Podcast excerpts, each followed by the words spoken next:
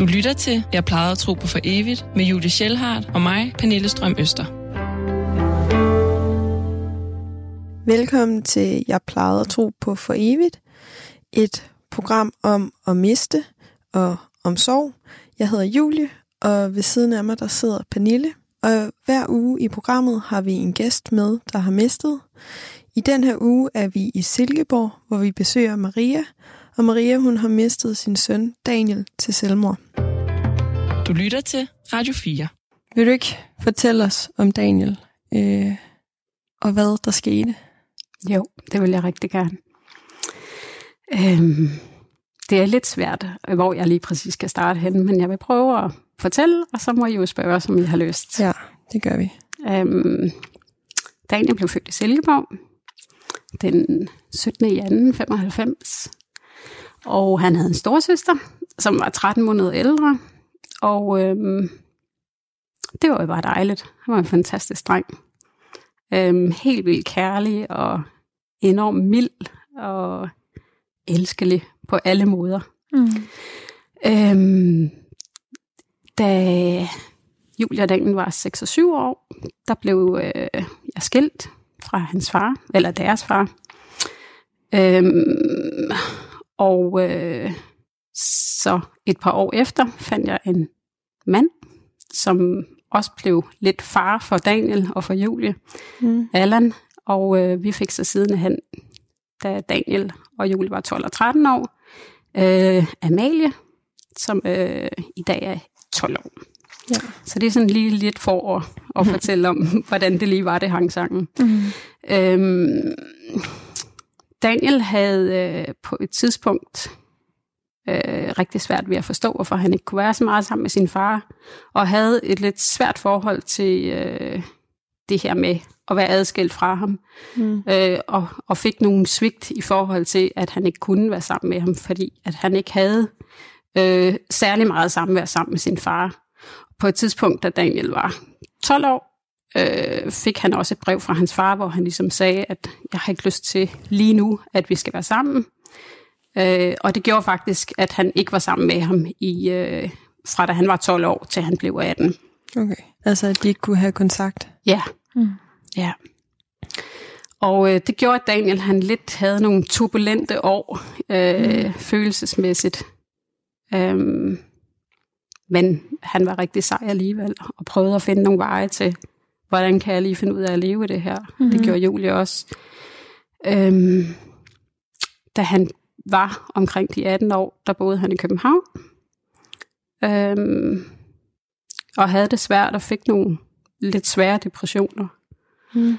Og for fire år siden, der var han lige fyldt 19 år, der blev han indlagt på øh, psykiatrisk afdeling i Glostrup. Hvor de så ligesom fandt ud af, at han havde noget bipolar ledelse. Øhm, I form af det her med, at han fik rigtig meget energi og var meget manisk i perioder. Mm. Og så øh, kom der så en periode bagefter, hvor han ligesom måtte slippe alt det, han var i gang med. Og så øh, blev rigtig deprimeret. Mm. Ja. ja. Så der får han ligesom diagnosen? Ja. Øh, da han er 18? Ja. Okay. Ja. Og igennem hele hans, det man kan kalde voksenliv, startede han på rigtig mange uddannelser, og startede på mange arbejder, hvor det bare gik super godt. Men han fik desværre det der slag hver eneste gang, hvor han så ligesom måtte slippe det hele, mm. og lægge sig, hvor han bare havde brug for ro. Øhm, men han var mega sej og prøvede at finde ud af, hvad er det her for en sygdom, og flyttede faktisk tilbage til Silkeborg, og senere hen til Aarhus, øh, og gik ned i psykiatriens hus hernede, hvor han fik noget hjælp, og han gik i en selvhjælpsgruppe, og han gjorde rigtig mange ting for ligesom at prøve at få hold på sig selv. Øh, fik også noget medicin og sådan nogle ting.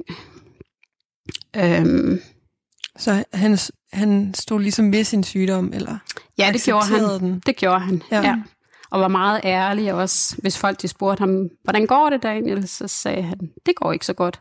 Okay. Så han var altid enormt ærlig om, hvordan han havde det. Ja. Øhm, og havde også lidt svært ved, han har altid været den her virkelig sådan, øh, elskede øh, følelser som fø, øh, natur og sol og øh, solnedgang og sådan noget. Man kunne godt mærke, at når man får medicin, så øh, kan man ikke altid være i de følelser, og det havde han det rigtig, rigtig svært med. Ja. Mm. Specielt det sidste år. Men prøvede hele tiden at gøre, så han ikke fik for meget medicin, så han stadigvæk kunne nogle af alle de her ting. Øhm, i og med, at han havde så mange forskellige arbejder og så mange forskellige steder, han var for så mange skoleforløb, så havde han også rigtig mange, han kendte, både på Sjælland og herover i Jylland. Øhm, og alle gjorde han et eller andet indtryk på, og selvom han havde det rigtig dårligt, så var han rigtig god til at hjælpe andre mennesker. Mm. Øhm, det var virkelig en af de ting, der var kendetegn for ham. I september 17 der øh, i august begynder han at have det rigtig, rigtig dårligt, og kan ikke finde ud af, hvad der er galt, og tænker, om det kan være nogle bivirkninger. Han havde det dårligt for med, at han kunne ikke sove om natten, og han tissede rigtig meget, og drak rigtig meget, og så han var inde og læse på de her bivirkninger på de piller, han fik, og øh, kunne så godt se, at der var noget, der mindede om sukkersyge, man kunne have som bivirkning, som hed et eller andet, jeg kan ikke huske, hvad det hed. Mm. Så han stoppede med at tage pillerne, men han blev ved med at have det dårligt og fik det endnu dårligere. Og så ringede han til mig en morgen, og så sagde han, hvor jeg skal på sygehuset. Øh, jeg bliver nødt til at komme ned til vagtlægen, jeg har det simpelthen så dårligt. Og der var klokken halv fem, så sagde jeg, jeg kommer, så kørte jeg til Aarhus, og så hentede ham, så tog vi ind til vagtlægen. Og øh, vagtlægen tog så hans blodsukker, og så sagde han, kom de lidt efter, så sagde de, du må have det rigtig dårligt, for du har et blodsukker, der er så højt, vi ikke kan måle det. Og så mm. blev han lagt ind på intensiv lige med det samme. Okay. Øhm, og øh, det viser sig rigtig hurtigt, at han havde fået diabetes. Okay. Som altså kunne være en bivirkning på grund af medicinen? Ja. Øhm, nej, det havde så faktisk ikke. Hans okay. far har også sukkersyge. Okay, okay. Så han har nok været, det kan godt være en, har jeg været inde og læse om, at hvis du er svært deprimeret, så kan du faktisk godt udvikle sukkersyge. Okay. Og han har måske været genetisk disponeret ja. for det, mm. i form af det, han havde fra sin far. Ja. Så, øh, og var det, det var type, hvilken type? Øh, type 1 kalder man den, den hvor du skal have insulin, den, den insulinkrævende. Ja. Mm. Og der kan jeg bare huske, at han lå i sengen, og tårnen de trillede ned af hans kinder. Og han... Øh,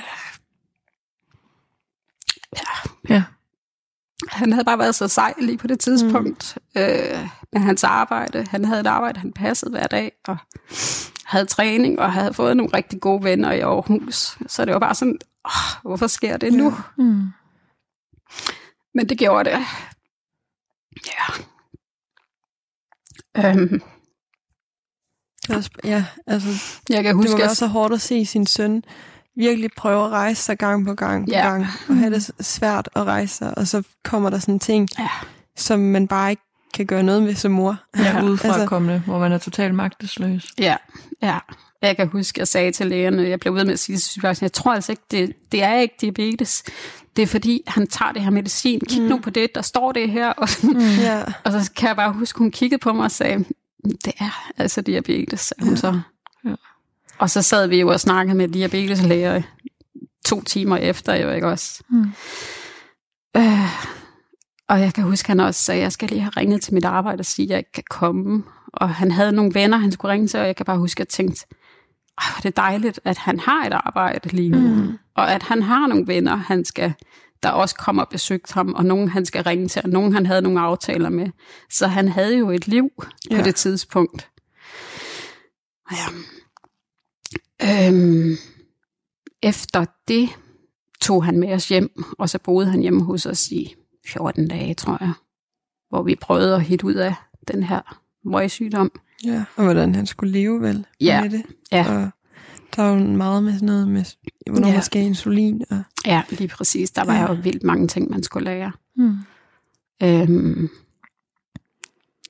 øh, ja, og der var hele tiden skulle han jo tage sit blodsukker, og, og det kørte op og ned og op og ned og op og ned. Og det er jo også, når ens blodsukker kører op og ned, så kører humøret også op mm. og ned. Øhm, og det, det var altså rigtig hårdt for ham at være i. Mm. Jeg kan også huske, han sagde, jeg havde altid så ondt af min far, jeg vil ikke have, at I skal have ondt af mig. Øhm, det havde han da bare sådan helt vildt skidt med. Mm. At, så han prøvede sådan virkelig at tage den på sig og sige, det skal jeg nok, og jeg, det kan jeg godt styre.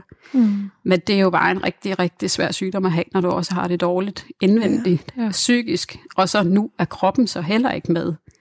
Så det gjorde jo, at han vågnede flere gange om natten, hvis han havde for højt blodsukker. Og samtidig med, at du så også skal være derinde i dine tanker med en svær syge, Mm. så var det bare rigtig svært for ham. Ja, selvfølgelig.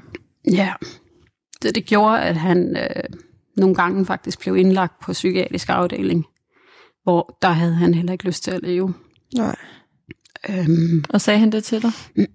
ja, han sagde, at han gjorde det for at passe på sig selv. Mm. Øhm, men jeg tænkte på, det, ja, det er godt, du gør det. Men, og sagde til ham, men det kommer du aldrig til. Nej, det gør jeg ikke, siger han så. Det er bare for at passe på mig selv, og jeg ikke ved, hvad jeg ellers skal gøre. Øhm, I sommeren 18, der øh, fik vi en opregning. Vi var i LaLandia sammen med nogle af vores venner øhm, fra, inden fra sygehuset. Og der havde han så prøvet at begå selvmord første gang. Øhm, ja. Oh, ja. Og, det, og det var sådan en opringning, jeg aldrig havde troet, jeg skulle få.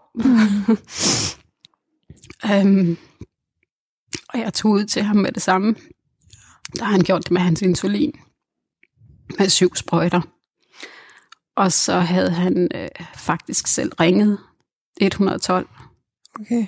Og jeg kan huske hele vejen derud, der tænkte jeg, åh, jeg skal skælde ham ud. Og så samtidig så tænkte jeg, nej, det skal jeg ikke. Jeg skal sige til ham, hvor var det godt, du ringede. Ja. Ja. Og det sagde jeg så til ham, så sagde jeg, jeg er bare glad for, at du ringede. Øhm, og der kan jeg bare huske, han var meget tom i blikket. Der var en, en dame, der skulle sidde og holde opsyn med ham inde på intensiv. Selvom han havde slanger i og sådan noget, så sagde jeg, hvorfor skal hun sidde her? Mm. Og så kiggede han bare, hvad nu hvis jeg springer ud af vinduet? Så sagde jeg, men det gør du vel ikke? Det ved jeg ikke, sagde han så. Og der var han helt tom i ansigtet. ja. Så sad han bare sådan, altså som sådan en skal der. Ja. ja. fuldstændig. Mm. Fuldstændig. Og var du alene der, hvor, da du gik ind til ham der? Ja, ja.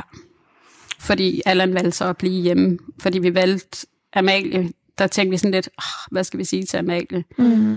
Så vi sagde faktisk til hende, at jeg skal lige til Aarhus, og Dan, han skal lige have nogle penge og nogle cigaretter, så jeg kører lige ind til ham, og så kommer, vi tilbage, kommer jeg tilbage igen. Hmm. Det måtte vi sådan ligesom bare, ja. Ja. Selvom Amalie godt vidste, at Daniel havde det dårligt, og hun har også været med på de her besøg på sygehusene og på, i Rigskov på psykiatrisk og sådan noget. Mm. Så det er ikke, fordi vi som, som sådan har holdt det skjult, men lige mm. den her, den synes vi bare ikke, den var nødvendig for en 11-årig pige at få at Nej. vide. Ja. Så bliver han indlagt, og øh, efterfølgende får han noget øh, elektrochok.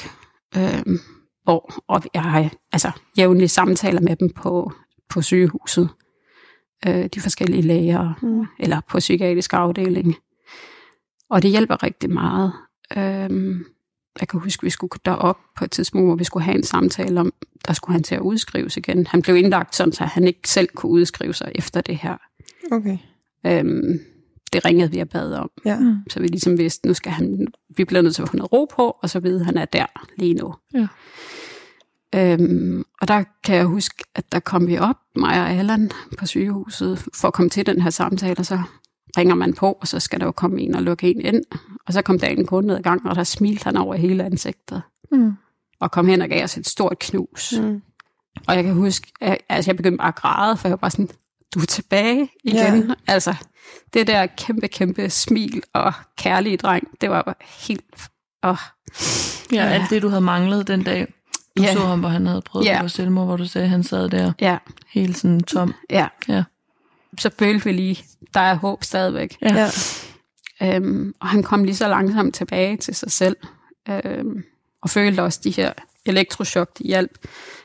Øh, og havde et par gange, hvor han kom hjem, og så kom han lidt tilbage igen og kom hjem og havde sådan jævnligt noget, nogle kontroller og nogle ting og sager, han skulle til. Øh, både ved psykolog og psykiater og med medicin og med blodprøver. Og han skulle tage blodprøver for det medicin, han fik, og mm. så skulle han oven i det jo også til alle de her syge, sygdomsting på sygehuset med hans sukkersyge. ja. Så det var bare To rigtig, parallelt forløb, Ja. ret høj ja, ja, helt vildt. Ja. Øhm, så efterfølgende efter alt det her, og der havde vi ligesom, synes jeg, fået nogenlunde ro på. Jeg fik et rigtig fint billede af ham en dag.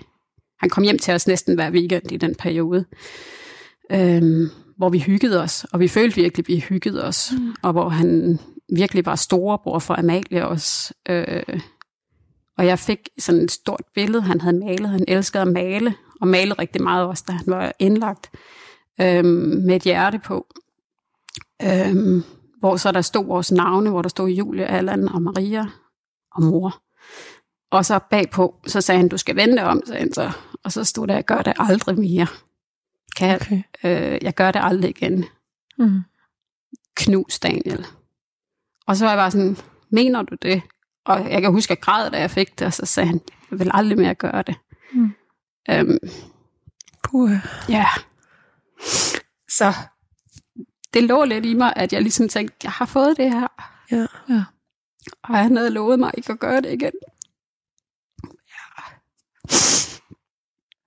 Ja. Og jeg tror også for, at jeg ligesom kunne være i det hele, og kunne være mor, og, og være mig selv, så måtte jeg ligesom sige, jeg kan ikke gå og bekymre mig hele tiden. Mm. Du havde brug for det håb. Ja. ja. ja. Så jeg havde sådan hele tiden nogle planer for ham, og nu gør vi det her, og nu gør vi det her, og næste skridt, det er det her. Øhm, lige nu koncentrerer vi os om det, og så skal du have det her. Og ja. vi havde, han havde faktisk selv fundet en ny lejlighed. Øhm, han skulle bo i sammen med en af hans, eller han fik et værelse ved en af hans rigtig gode venner, hvor han flyttede i den 31. januar. Øhm, og det, I 18?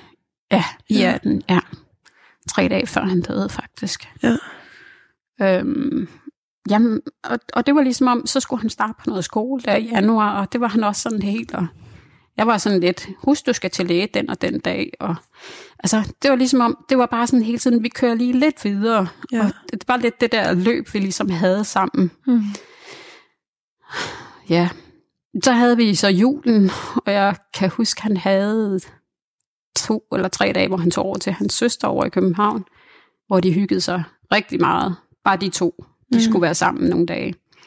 Tog i biografen, og de var inde og shoppe julegaver, og jeg har lige kigget lidt på de der sms'er, vi skrev de sidste par dage, og så havde jeg sendt nogle penge, og så skrev de fra julemanden, og mm. så sendte de nogle billeder, hvor de sad inde på en café sammen, og skrev, at de bare hyggede sig helt vildt, og så det var rigtig fint. Mm. Så holdt vi jul over i København, øhm, og kom hjem igen, og så havde han nogle dage, hvor han selv flyttede, og så spurgte han mig, om jeg ville komme ud og hjælpe ham den 31. januar, nej, øh, december, med at flytte. Øh, og så sagde jeg, det ville jeg rigtig gerne. Øh, eller med at gøre rent. Han havde selv flyttet alle hans ting sammen med en af hans venner. Og da jeg kom derud, han boede i et hus, som skulle sælges, hvor der havde boet en hel masse unge i hver deres værelse. Mm. Øhm, men han var den sidste, der boede, eller der, der havde været der i december måned. Han var den sidste, der flyttede. Og der havde han bare fuldstændig cleanet hele huset, og var sådan, wow, Daniel, du er virkelig god, og var jeg mm. bare flot, og der er jo ikke noget, jeg kan gøre. Vi tømte lidt skraldespand og tømte opvaskemaskinen, og så kørte vi ind til Aarhus, hvor jeg så hans nye værelse. Øhm, og så øhm, skulle han holde nytår sammen med hans venner, som ja, blandt andet ham, der boede i den lejlighed. Og der sendte vi også billeder til hinanden, og jeg har sådan en lille optagelse, hvor han har sendt, hvor han sad med noget nyt og sådan noget, og så siger han Happy New Year til mig.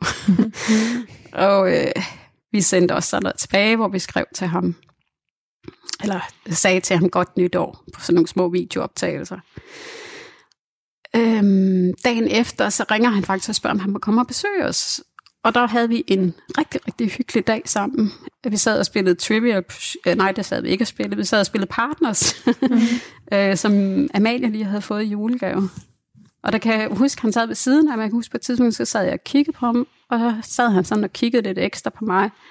Og jeg kan bare huske, at jeg tænkte, for er du egentlig smuk? Han var virkelig, virkelig smuk. Øhm, men jeg sagde det bare ikke lige til ham lige der. Og så ved en nitiden, så spurgte han så, om jeg ville køre ham ned til stationen, så han kunne komme hjem. Og jeg kører ham ned til stationen, og giver ham et knus, og så snakker vi om, at vi kan ses på fredag. Og så bliver det, det var om tirsdagen. og så bliver det onsdag, og så kan jeg faktisk ikke få fat i ham. Øhm, jo, onsdag skriver jeg til ham, kom du til lægen, fordi han havde, det var jo også bare så hårdt i hans liv. Han havde et lægebesøg om onsdagen, og så havde han et psykiaterbesøg om torsdagen, og så havde han et eller andet med, at han skulle have noget ny medicin om fredagen, plus han skulle starte noget ny skole. Øh, så skrev han, ja det gjorde han, så skrev, hvordan så dine tal ud, altså hans blodtal, så skrev han, de så super fine ud, og lavede sådan en smiley og et hjerte. Og så skrev jeg, sejt, godt gået. Mm. Og så hørte jeg ikke mere fra ham. Og så dagen efter prøvede jeg at få fat i ham. Jeg havde, jeg havde det jo altid sådan lidt, hvis jeg ikke kunne få fat i ham, kvæg alt, hvad der var sket, så øh, havde jeg lige brug for at finde ud af, hvor er du henne, og hvad sker der lige nu. Mm, øh, så han vidste godt, at jeg skulle sådan helst kunne have kontakt, selvom jeg godt, at han havde lovet mig, at han ville aldrig nogensinde gøre noget. Øhm, øh, ja, jeg kunne så ikke få fat i ham. Og øh, op ad den dag, det var den første dag, hvor at, øh, vi var på arbejde efter nytår, så øh, prøvede jeg at ringe et par gange og skrev en sms, at din telefon øh, er gået i stykker, jeg kan ikke rigtig få fat i dig. Og, var du bekymret? Ja, der begyndte jeg at blive lidt bekymret. Mm. Så øh, skrev jeg til hans ven Christoffer, som boede i den lejlighed også. Har du set Daniel? Og så siger han så, nej, han er i sommerhus. Altså ham, Christoffer, han var i ja. sommerhus, så han havde ikke lige set ham. Der boede en dreng mere i den lejlighed også, så sagde han, kunne lige prøve at spørge. Michael hed han så, øhm, om han havde set ham. Og så skrev han tilbage, Michael siger, at han ikke har set ham siden i går. Og så var jeg sådan lidt, nå, okay.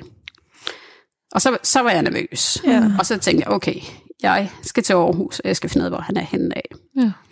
Så gik der 20 minutter. Det var der sent eftermiddag, der var alle de kommet hjem. Og så, øh, han var også kommet hjem. Så, ringede Christoffer fra Messenger, jeg havde ikke hans telefonnummer. Og så vidste jeg godt, der er et eller andet galt. Mm. Og så øh, går jeg ind i et andet rum, hvor Amalie ikke er.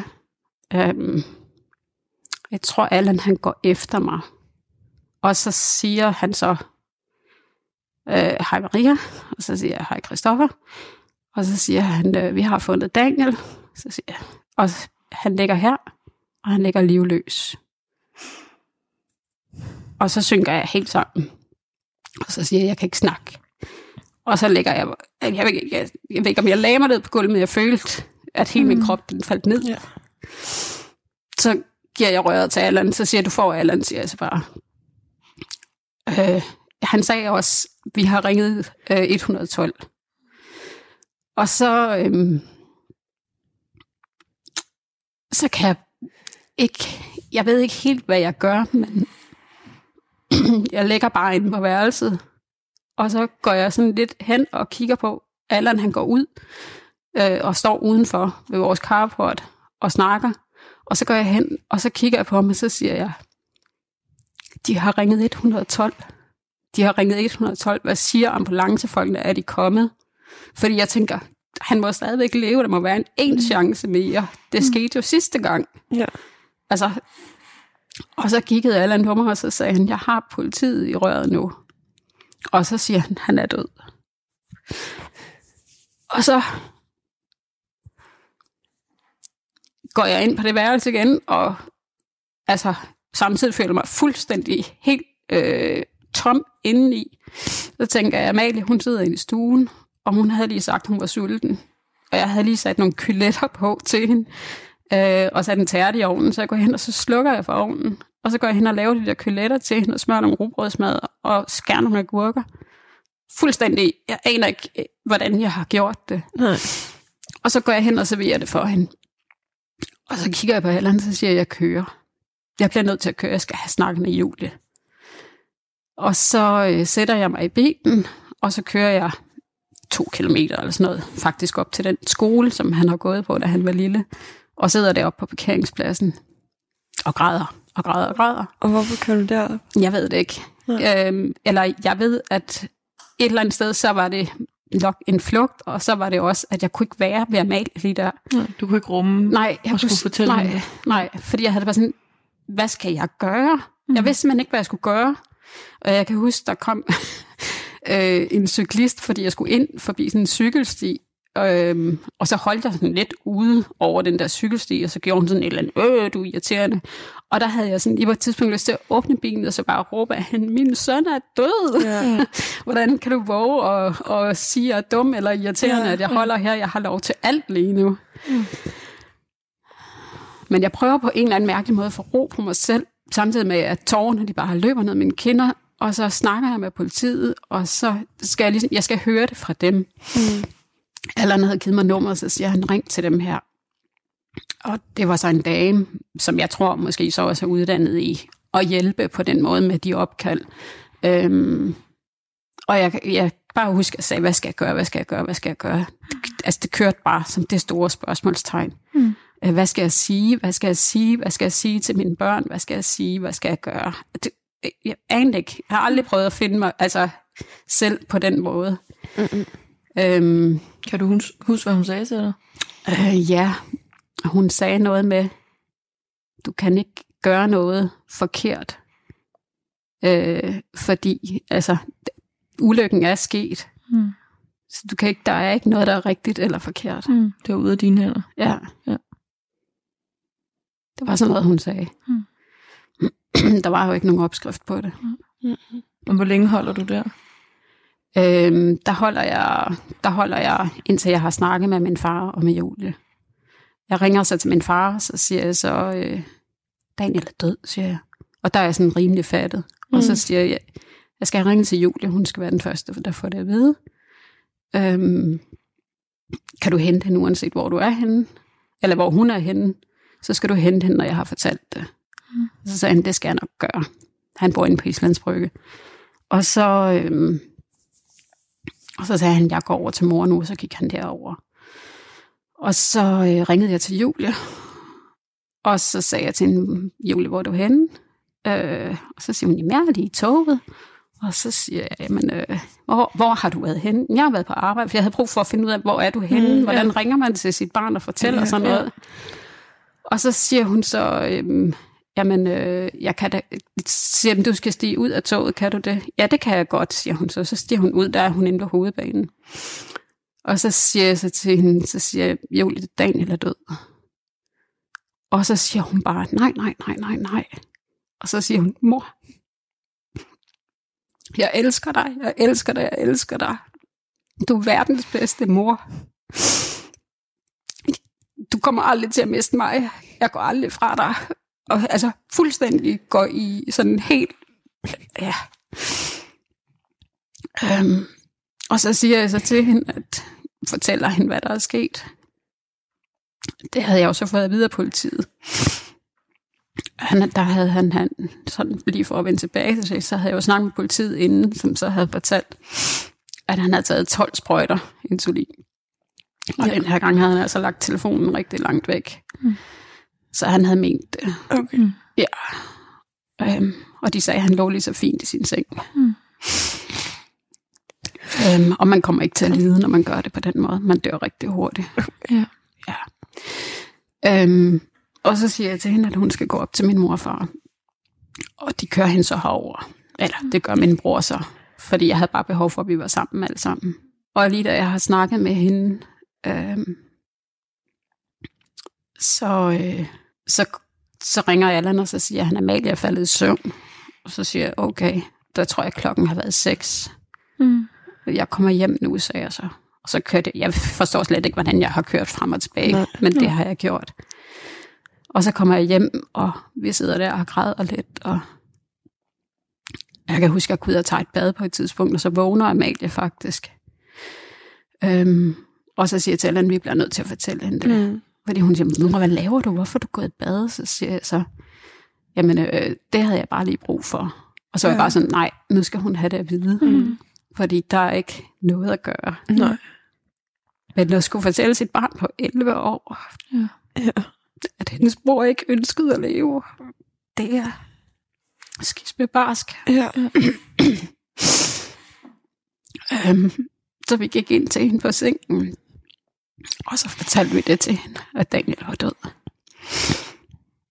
Og hun græd og græd og græd. Ja. Og så skulle vi til at forklare, hvad et selvmord var jo selvfølgelig. Ja. Øhm, og det kunne hun slet ikke forstå. Ja. Slet, slet ikke. Nej. Ja. Så kom Julie faktisk kort derefter. Og hvornår Ja. kommer I hen til Daniel så? Nej, det gør vi faktisk ikke. Øhm, fordi at det er sket på den måde, så må man åbenbart fik vi at vide, ikke kom derhen. Jeg forstår ikke, i dag sådan, så har jeg sådan lidt tænkt, hvorfor sagde jeg ikke til politiet, jeg ville derhen? Men jeg tror, mm. jeg var så forhippet på at få fortalt det her til Julie og Amalie, Ja. øh, at det bare var det, der var mm. vigtigt for mig lige på det tidspunkt. Øhm, fordi jeg ville gerne have set, hvordan han lå i den seng. Ja. Men vi får at vide øhm, af politiet, at de vil kontakte os, når vi måtte se ham. Okay. Og ja, fordi alt var så meget kaos på det tidspunkt, så øh, fik de aldrig rigtig, eller de ringede aldrig til os. Øhm, og bedemanden kom så ind i billedet efter de der tre dage, hvor han ligesom sagde, at han havde været derude, og han havde fået at vide, at vi ikke komme derud, og der er noget med, at der skal gå en uge, når det er selvmord, fordi man skal, altså, man skal finde ud af, om det, om det så også har været selvmord. Så er der Ja, en hel masse ja. ting, der skal undersøges, og hans tøj og alle de der ting. Ja. Øhm, så vi så ham faktisk først i kapellet, ni dage efter, Mm. om torsdagen. Okay. Og Ja. hvordan var det? Øh, det var det værste. Det var det aller, aller værste, jeg har Ja. ja. prøvet. Øhm, jeg har en rigtig god veninde, som mistede sin mand øh, et halvt år før det her. Og hun kom hjem til os, et, tror det var anden dag eller sådan noget, hvor hun så sagde, I skal tage ned og se ham, og I skal øh, lægge nogle ting ned til ham, I skal skrive breve til ham, I skal give mm. ham det tøj på, der er det bedste. Hun gav os simpelthen så mange gode råd. Mm. Jeg kan huske, Ja. ja. Julie og Amalie, det sagde også, vi vil ikke se ham. Men hvor hun virkelig sagde, at det er bare rigtig, rigtig vigtigt, fordi de det gør bliver nødt til at gå op for jer, at det er sket. Og i en senere soveproces, at man har gjort det, så gjorde man det, man kunne. Mm. Ja. Øhm, Ja, så skulle man ikke tænke tilbage, når jeg havde set ham. nej. Nej. Så jo, øh, vi tog der ned. Øh, mig, Allan og Amalie gik derind sammen og så ham. Og det var et kæmpe chok. Jeg, jeg kan Mm. huske, jeg havde jo sådan hele tiden i de her ugen inden, følte jeg hele tiden, at jeg kunne se ham komme ind ad døren. Ja. Altså jeg havde den der følelse, hvornår kommer du kørende i min bil, og så kommer ind og smiler og giver os et knus.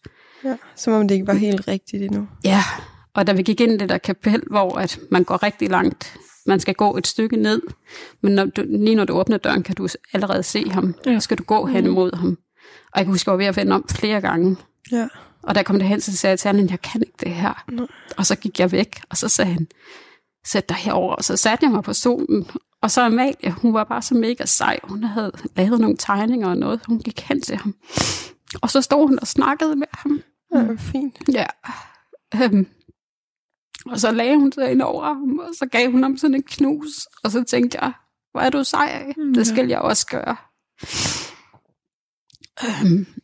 Fordi han jo havde ligget i så mange dage, da han lagt det ni dage, Ja. så var han jo begyndt at blive blå allerede. Ja. Mm. Øhm. Øh, hans hænder, de lå som de skal lægge. ja. Og jeg kan huske, at jeg ligesom tænkte, jeg skal røre dine hænder for sidste gang. Mm. Jeg blev nødt til at abe dem, og det gjorde jeg også. Jeg kan huske, hvordan de ligesom som en voksfigur og, Ja. og brystkassen, hans store brystkasse, hvordan den ligesom bare så helt tung ud, og så ikke bevægede sig. Mm. Det var virkelig, øh, det var hårdt. Ja. Men jeg er glad for, at vi gjorde det. Så vi lagde billeder ned til ham, og vi lagde breve. Vi havde alle sammen skrevet et brev hver. Ja. Amalie havde lavet mange tegninger, og så lagde vi nogle ting, der betød for ham, noget for ham ned. Ja. Ja. Ja. Og han havde fået sin egen dyne med. Det var fint. Ja, og en kasket. Han kunne rigtig godt lide at have kasket på, specielt hvis han havde det dårligt.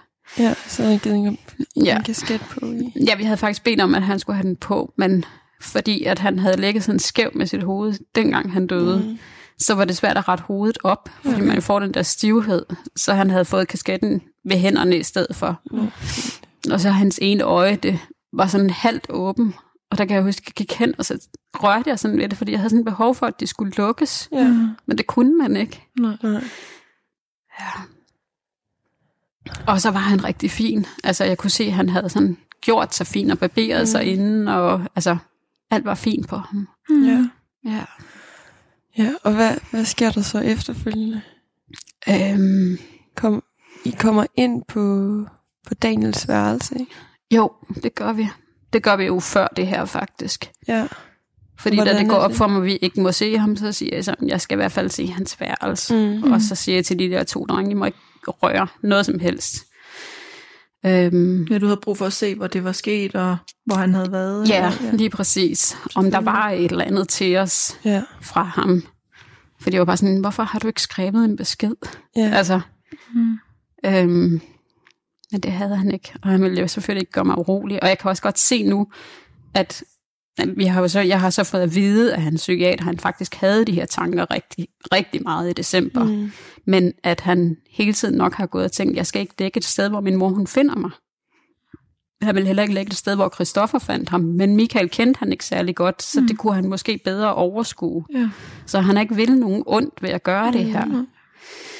Men jeg tror, det er tre-fire dage efter, der tager vi op og ser hans værelse. Også fordi det så, drengene vil også gerne vil have, at det skal tømmes. Det har også været en hård omgang for dem mm. at finde Daniel derinde.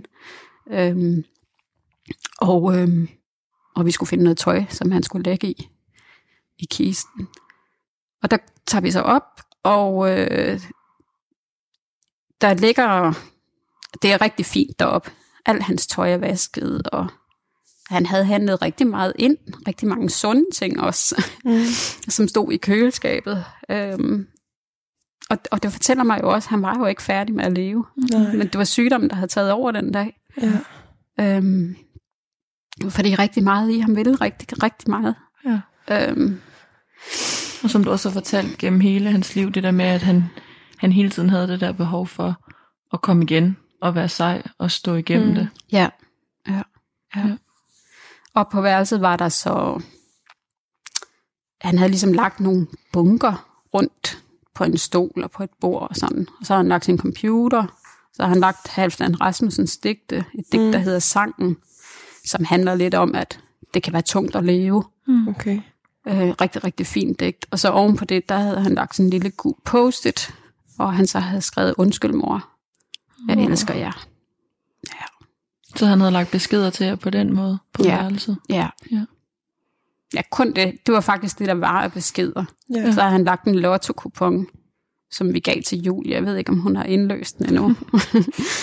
øhm, ja, og lagt nogle tegninger og noget, jeg tror, han havde kigget på som noget af det sidste, som Amalie havde lavet, og Ja. øhm, min søsters børn havde lavet. Og så fik vi ligesom, så fik jeg vist børn, øh, eller Julie og Amalie og Allan, det var her, han var. Ja. Mm. Altså, ja, det havde vi brug for. Ja. Det sidste, han, han ligesom, han lå, jeg kan huske, at jeg tænkte, hvor, hvor er hans pude hen? Og jeg ligesom måtte mærke, at det var her, han lå. Mm. Og så var der et stort vindue, så han faktisk lægget mod vinduet, hvor jeg ligesom tænkte, hvorfor har du ikke kigget ud? Mm. Mm. Men han havde så ligget og kigget på et billede i stedet for. Mm. Øhm, ja. Så, Du har også øh, taget et billede ja, og en ting. ja, Vil du ikke vise os måske billedet først? jo. Øh, jeg Nu det har vi jo på min- faktisk set det inden, fordi at vi lige stod og kiggede på det. En, Ja, en flotte reol med en masse ting, som Daniel også har lavet. ja, Men lad os se. det er det her fine billede. Ja. Vil du ikke prøve at fortælle, hvad der Jo, er på det? det er Daniel, hvor han sidder og smiler. Mm. Han smiler rigtig meget med sine øjne også. Ja, det gør han faktisk. rar. Ja, Meget rare øjne. han var virkelig Helt rar og mild. Og meget smuk, som du sagde. Ja. Ja. helt vildt. Og han vidste ikke. Mm. Ikke altid i hvert fald. Øh, og så holder han Julie i hånden. Mm. Hans store søster. Øh, hans store søster. Og Julie holder Amalie i hånden. Og Malie kigger sådan lidt op på, Ja, på sine store søskende. ja. Og det er bare mine tre børn og Ja. mine tre guldklumper. Det er virkelig et fint billede. Ja, det er rigtig fint. Hvornår er det taget? Det er taget, jamen, hvor gammel er Amalie? Der, der, er hun, det er nok seks år siden, Mm. Ja. inden han faktisk blev rigtig syg. Ja. Ja. Jeg tror, de boede hjem på det tidspunkt, alle tre. Nå, Ja, Det er rigtig fint. ja, Ja, det er et fint billede. det er så fint. Man kan virkelig se det der med, at, at han smiler med øjnene og bare ser rar ud. Ja, ja. Altså, de, de Og han var glade nemlig bare rigtig kærlig, og det der med, at han kunne holde sin søster i hånden, Mm. og den der kærlige, kærlige dreng. Vi gav altid hinanden et kæmpe knus og en kæmpe krammer, når vi så hinanden. Altså, Mm. ja. Ja. Ja. Så har Jeg du har faktisk et billede mere, jeg havde tænkt, jeg ville Ja, vise. meget gerne. Det er mig og Daniel. Det er jo fint. Og samme rare, milde øjne. Ja, hos ham. lige præcis. Og igen det der med, at han lige holder rundt om mig heroppe Ja, ved Ja. skulderen, det synes jeg bare, det er så dejligt. det kan jeg godt forstå. Hvor I Ja. ude og, bare jer to, der er ude og sejle, ligner det. Ja, det var faktisk ikke kun os to. Nej, men, øh, jer to på Ja, billedet. lige præcis. Mm. Ja. Og det er også fint. Det er helt vildt. Og så har du ja, en ting liggende her, Ja. som er lidt svær at overse. ja. en større ting. Ja, der ligger et, øh, et billede også faktisk af et, øh, et digt, der er skrevet, hvor der så er tegnet rundt om. Daniel han skrev rigtig mange digt mm. i den sidste tid i hans, øh, i hans liv. Øh, skrev rigtig mange om den her tomhed, han følte inde i sig selv, og magtesløshed, og han følte, medicinen havde taget over, og hvordan det var at være indlagt og alle de her ting. Mm. Hvor mange af digtene jeg næsten ikke kunne holde ud at læse, dengang han levede. Men efter at han så døde, så var det ligesom om, nu gav det mening for mig at læse. Ja. Ja. Og hvad er, det, hvad er det, der står? Og her har han så skrevet et om, øh, ja, sådan, jeg kan godt prøve at læse det. Ja, prøv det. Der er noget om gammel ærlighed. Og du kan ikke læse det derinde, jeg der gider at læse. Ja, jeg vil meget gerne læse det. Ja. Nå. Der er noget om gammel ærlighed. Det ender tit i kærlighed. Er det ikke en særlighed, at det ender i kærlighed? Men den ærlighed er en sjældenhed, således er sand kærlighed. Ja. Meget fint. ja. Og det havde han givet til min søster, som også betød rigtig meget for Daniel. Um, og så havde hun faktisk, uden han vidste lavet den her fine collage og skrevet det så fint. Ej, digtet er skrevet rigtig fint op, og så med mange illustrationer og former og farver udenom. Det er virkelig flot. Ja. Ja. Og så gav hun ham det julegave. Og som det eneste, han havde hængt op på sit værelse, der var det det her billede. Og jeg tror, ja. han kiggede på det som det sidste, inden han døde. Ja. Fordi det var den vej, hans ansigt lå. Ja. Ja. Han lyder også en meget klog dreng. ja, det var han også. Og eftertænk. For efter ting, som jeg. Ja. Det er virkelig fint. ja. Hvordan, hvordan er det nu, Maria? Som, Ja. Nu skal man jo så lære at finde ud af, hvordan man skal leve videre. ja. Ja. Øhm. Og det har jo bare været kaos nogle dage. Ja. Øhm, jeg kan mærke efter 11 måneder, begynder jeg at finde mig selv i, at jeg bliver nødt til at kæmpe for stadigvæk at få et godt liv. Mm. Øhm, jeg skal stadigvæk være der for Julie, jeg skal stadigvæk være der for Amalie, øhm, og for mig selv, og for Mm. Allan. Øhm, så jeg prøver at finde ud af, hvordan jeg ligesom skal være i det. Øhm, efter han døde, der havde vi, øh, vi har været ved at bygge et hus, så vi flyttede ind i et helt nyt hus i marts. Og det var sådan, wow, her havde han aldrig været, så nu havde jeg jo ikke nogen minder fra ham Nej. i det her hus. Så der har jeg sådan sørget for, i hver eneste rum, der er der noget, der er Daniels. Ja. Alle rummene. Ja, vi så også op på din, øh, jeres fine reol, hvordan der stod forskellige ting, og nogle af hans bøger viste du, og ja. ja, ting, han har lavet. Det Ja. er Fyldt med minder. ja, virkelig Ja. personligt også. Ja, fordi det er rigtig vigtigt for mig, at han lever videre her Mm. Ja. sammen med os. Øhm, så det er sådan en praktisk ting, jeg har gjort. Øhm, Hvad med i forhold til at tale om ham? Synes du, at hvordan har det været, når du skulle fortælle nogen, at du har mistet din søn, og han begik selvmord? øhm, det er rigtig svært, fordi i ordet selvmord, så bliver folk sådan helt, Ja. Ja. Så bliver de bange. ja. Øhm, altså, for Amalie, som var 11 år, øh, var det også rigtig svært op i skolen. Mm. Hvad i alverden skal man sige til de her kære børn? Ja. Men hun havde en rigtig god lærer, som fik det forklaret på en god måde. men der var der mange også, som også til hende sagde, er det din bror, der har begået selvmord? Altså, okay. hvor det er sådan, wow, altså, det, hvor hun kom hjem tudbrølende, ja. altså, havde rigtig mange dage, hvor hun ikke magtede at være der, fordi der var så mange spørgsmål. Ja. Men de er måske så lige lidt mere lige til. Øhm, jeg synes, folk reagerer forskelligt. Nogle er dygtige til at snakke med mig om det, mm. og andre, de vil slet ikke snakke om det. Nej. Øhm, de kan ikke rumme det. Nej, nej, de kan simpelthen ikke rumme det. De kan ikke rumme mine følelser og ulykken, det er. Nej. Så jeg føler, at nogen, de vil helst bare gerne have, at det skal se lidt ud, som om det altid har været, eller at nu er vi tilbage ved det gamle. Ja. Mm. Øhm, men heldigvis har finder man jo ud af, hvem det er, man kan snakke med, og hvem man ikke kan snakke med. Mm. Øh, fordi jeg bliver jo glad, hvis nogen skriver til mig, jeg kom lige til at tænke på Daniel, sådan og sådan og sådan. Ja. Ja. Ja. Jeg var andre kunne tænke, at de ikke ville skrive det til dig, fordi tænk nu, hvis du så kommer i tanke om noget, hvilket er så misforstået, for der er jo ikke et sekund, hvor man, hvor man glemmer, at Nej. han ikke er her, mm, eller Nej. glemmer ham. Nej. Men det kan man jo forestille sig, at der er nogen, der tænker, ikke? Jo. Og det er jo så, så forfærdeligt, når du bliver så glad, når der er nogen, der skriver. Ja, jeg bliver rigtig glad over det. Og jeg bliver rigtig glad over, når folk de anerkender. Det er jo ikke særlig lang tid siden. Mm, og de ligesom kan indse, at selvfølgelig skal du have lov til at være ked af det, og mhm. selvfølgelig, og altså ligesom i stedet for at sige, har du det godt, så spørger hvordan har du det egentlig? Ja. ja. Øhm, fordi det er det, man har brug for. Og ja. der kommer jo netop sådan en periode, et halvt år efter, hvor at man ligesom tænker, okay, nu har man brugt sin kredit alle steder, man har aflyst alt det, man kunne aflyse mm. af veninde ting og sager. Så nu kan man ikke rigtig tillade sig at sige mere, at man ikke har noget overskud. Hvor jeg så bare alligevel tænkte, ej, sådan skal det bare heller ikke være. Ja. Så må jeg miste dem, jeg mister omkring mig, ja. og dem, der holder ved, de holder ved. Ja, det er jo kun øhm. dig, der ved, om du har over, hvad du har overskud til. Ja.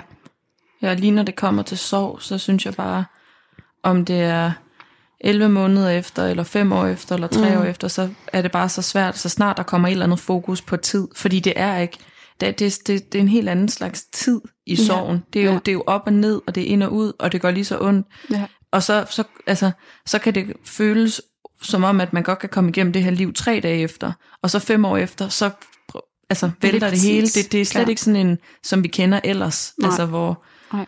ja, med tiden. Det er noget Nej. helt andet, og det er så svært, når der kommer fokus på tid, ja. synes jeg i sorgen. Meget.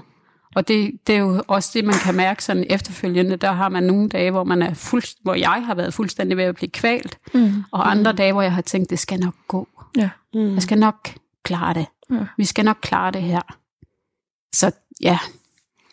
Og hvordan, nu er det, ja, det er jo 11 måneder siden, hvordan tænker du den næste tid? Nu går vi ind i jul og traditioner, og også snart, at det er et år siden, han, han døde. Ja. Øhm, ja, det er jo så også lige pludselig. Nej, det er ikke lige pludselig, men, men jeg tænkte jo, at det kom jo aldrig til at gå et helt år. Nej. Hvor jeg ligesom har tænkt, wow, det er lige gået op for mig. Mm. Jeg forstår slet ikke, hvad jeg har lavet i år 2019. Nej. Øh, og synes, det er frygteligt, det der med at skulle skrive et nyt årstal. Ja. ja. Øhm, vi har valgt at tage på ferie her den 18. december, tager vi faktisk til Florida. Mm. Sammen med min søster og hendes mand, og så ja. hendes børn. Ja. Øhm, og der har vi været med Daniel før. Øh, og der skal vi være indtil den 8. januar. Ja. Og fordi jeg kan slet ikke være i at skulle holde en almindelig jul lige nu. Nej, nej. Det har jeg ja. slet ikke lyst til. Nej, det kan jeg godt forstå. Ja, virkelig ja. også godt forstå. Ja. Det er alt for meningsløst, og Fuldstændig. han vil mangle ved ja. bordet. Ja. ja. Og selvfølgelig kommer han også til at mangle derovre. Mm.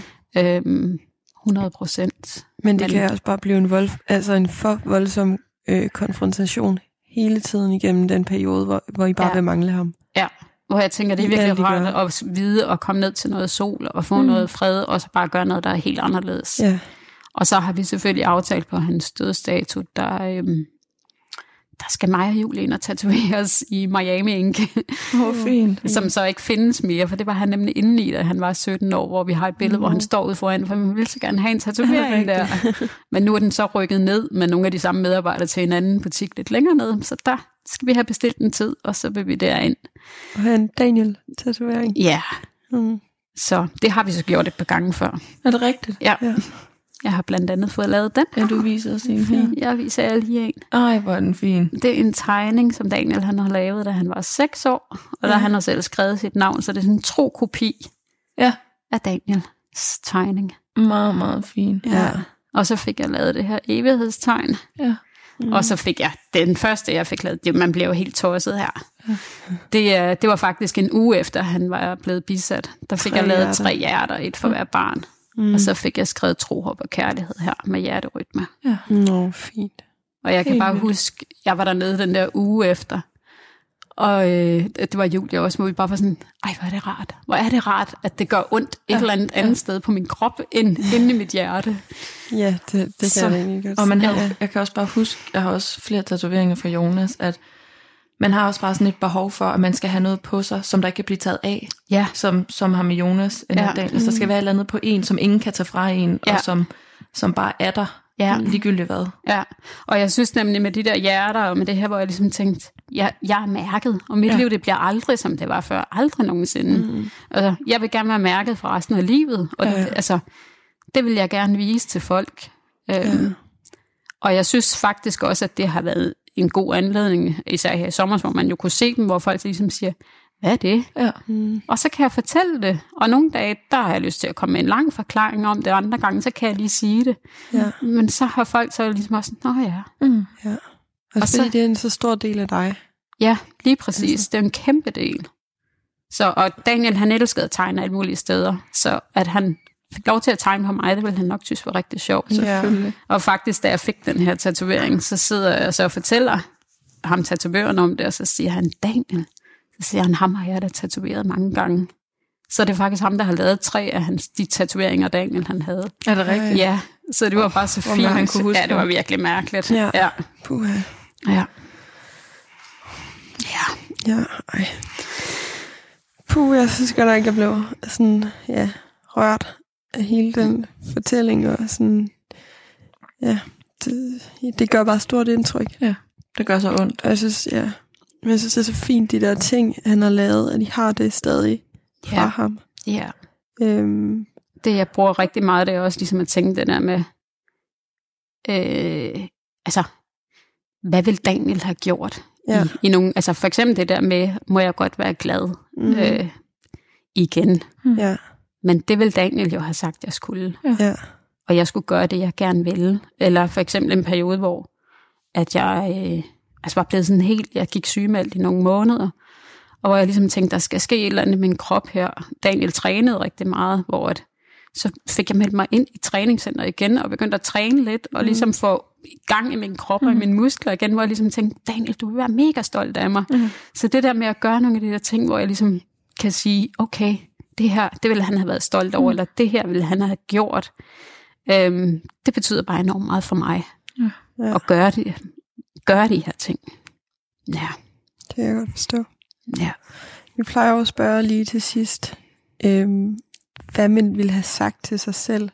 Men jeg ved ikke engang, om det spørgsmål giver mening nu, fordi du er jo stadig midt i soveprocessen på en eller anden måde. Det er så tæt på. Men er der et eller andet, sådan, du har på hjerte her til sidst? Noget, du gerne ville have sagt til dig selv, dengang Daniel døde, mm. eller Mm. noget, man skal huske? Altså, jeg tænker måske, at hvis jeg havde sagt til mig selv, da han levede, Mm. at vi skulle have snakket om noget mere om døden, Ja. Mm. så, vil, eller, så kunne jeg have sagt det til mig selv. Mm. Øhm, det er jo ikke, det er enormt svært, og jeg skal heller ikke klandre mig selv, men, men jeg anede for eksempel ikke, hvad han ville, hvis han døde. Øh, Julie har så fået at vide af ham en gang, at, at hun ville gerne have, at han skulle, hvad hedder det, kremeres for eksempel. Så der var jo en hel masse ting, hvor at, det anede jeg jo ikke noget om, Mm. øhm, fordi jeg havde bare ikke set det som en mulighed. Nej. Og jeg havde ikke set, at hans sygdom, den var så farlig, at Nej. den kunne tage så meget over. Men det kunne den Ja. det vil, og samtidig ved jeg heller ikke helt om, så den er sådan lidt svær, men Mm. måske havde jeg, altså vi har i hvert fald rådet folk til, som hvis de har nogen, de kender, som snakker rigtig meget om selvmord, og snakke endnu mere med, dem om det. Øhm, fordi det havde nok, det er ikke sikkert, det kunne have fået ham til at blive her. Nej. Øhm, Men så havde I snakket om det. ja. Ja. Tusind tak, fordi vi måtte komme på besøg her i Silkeborg og for at dele din historie. Som Daniel. Det synes jeg var en rigtig fin, øh, fin note at slutte på. At sige noget til folk, også mens man lever. Ja. Altså, det skal man huske. ja, Tusind tak, Maria. selv tak. Programmet er produceret for Radio 4 af Lyd og Co. i samarbejde med Landsforeningen Liv og Død.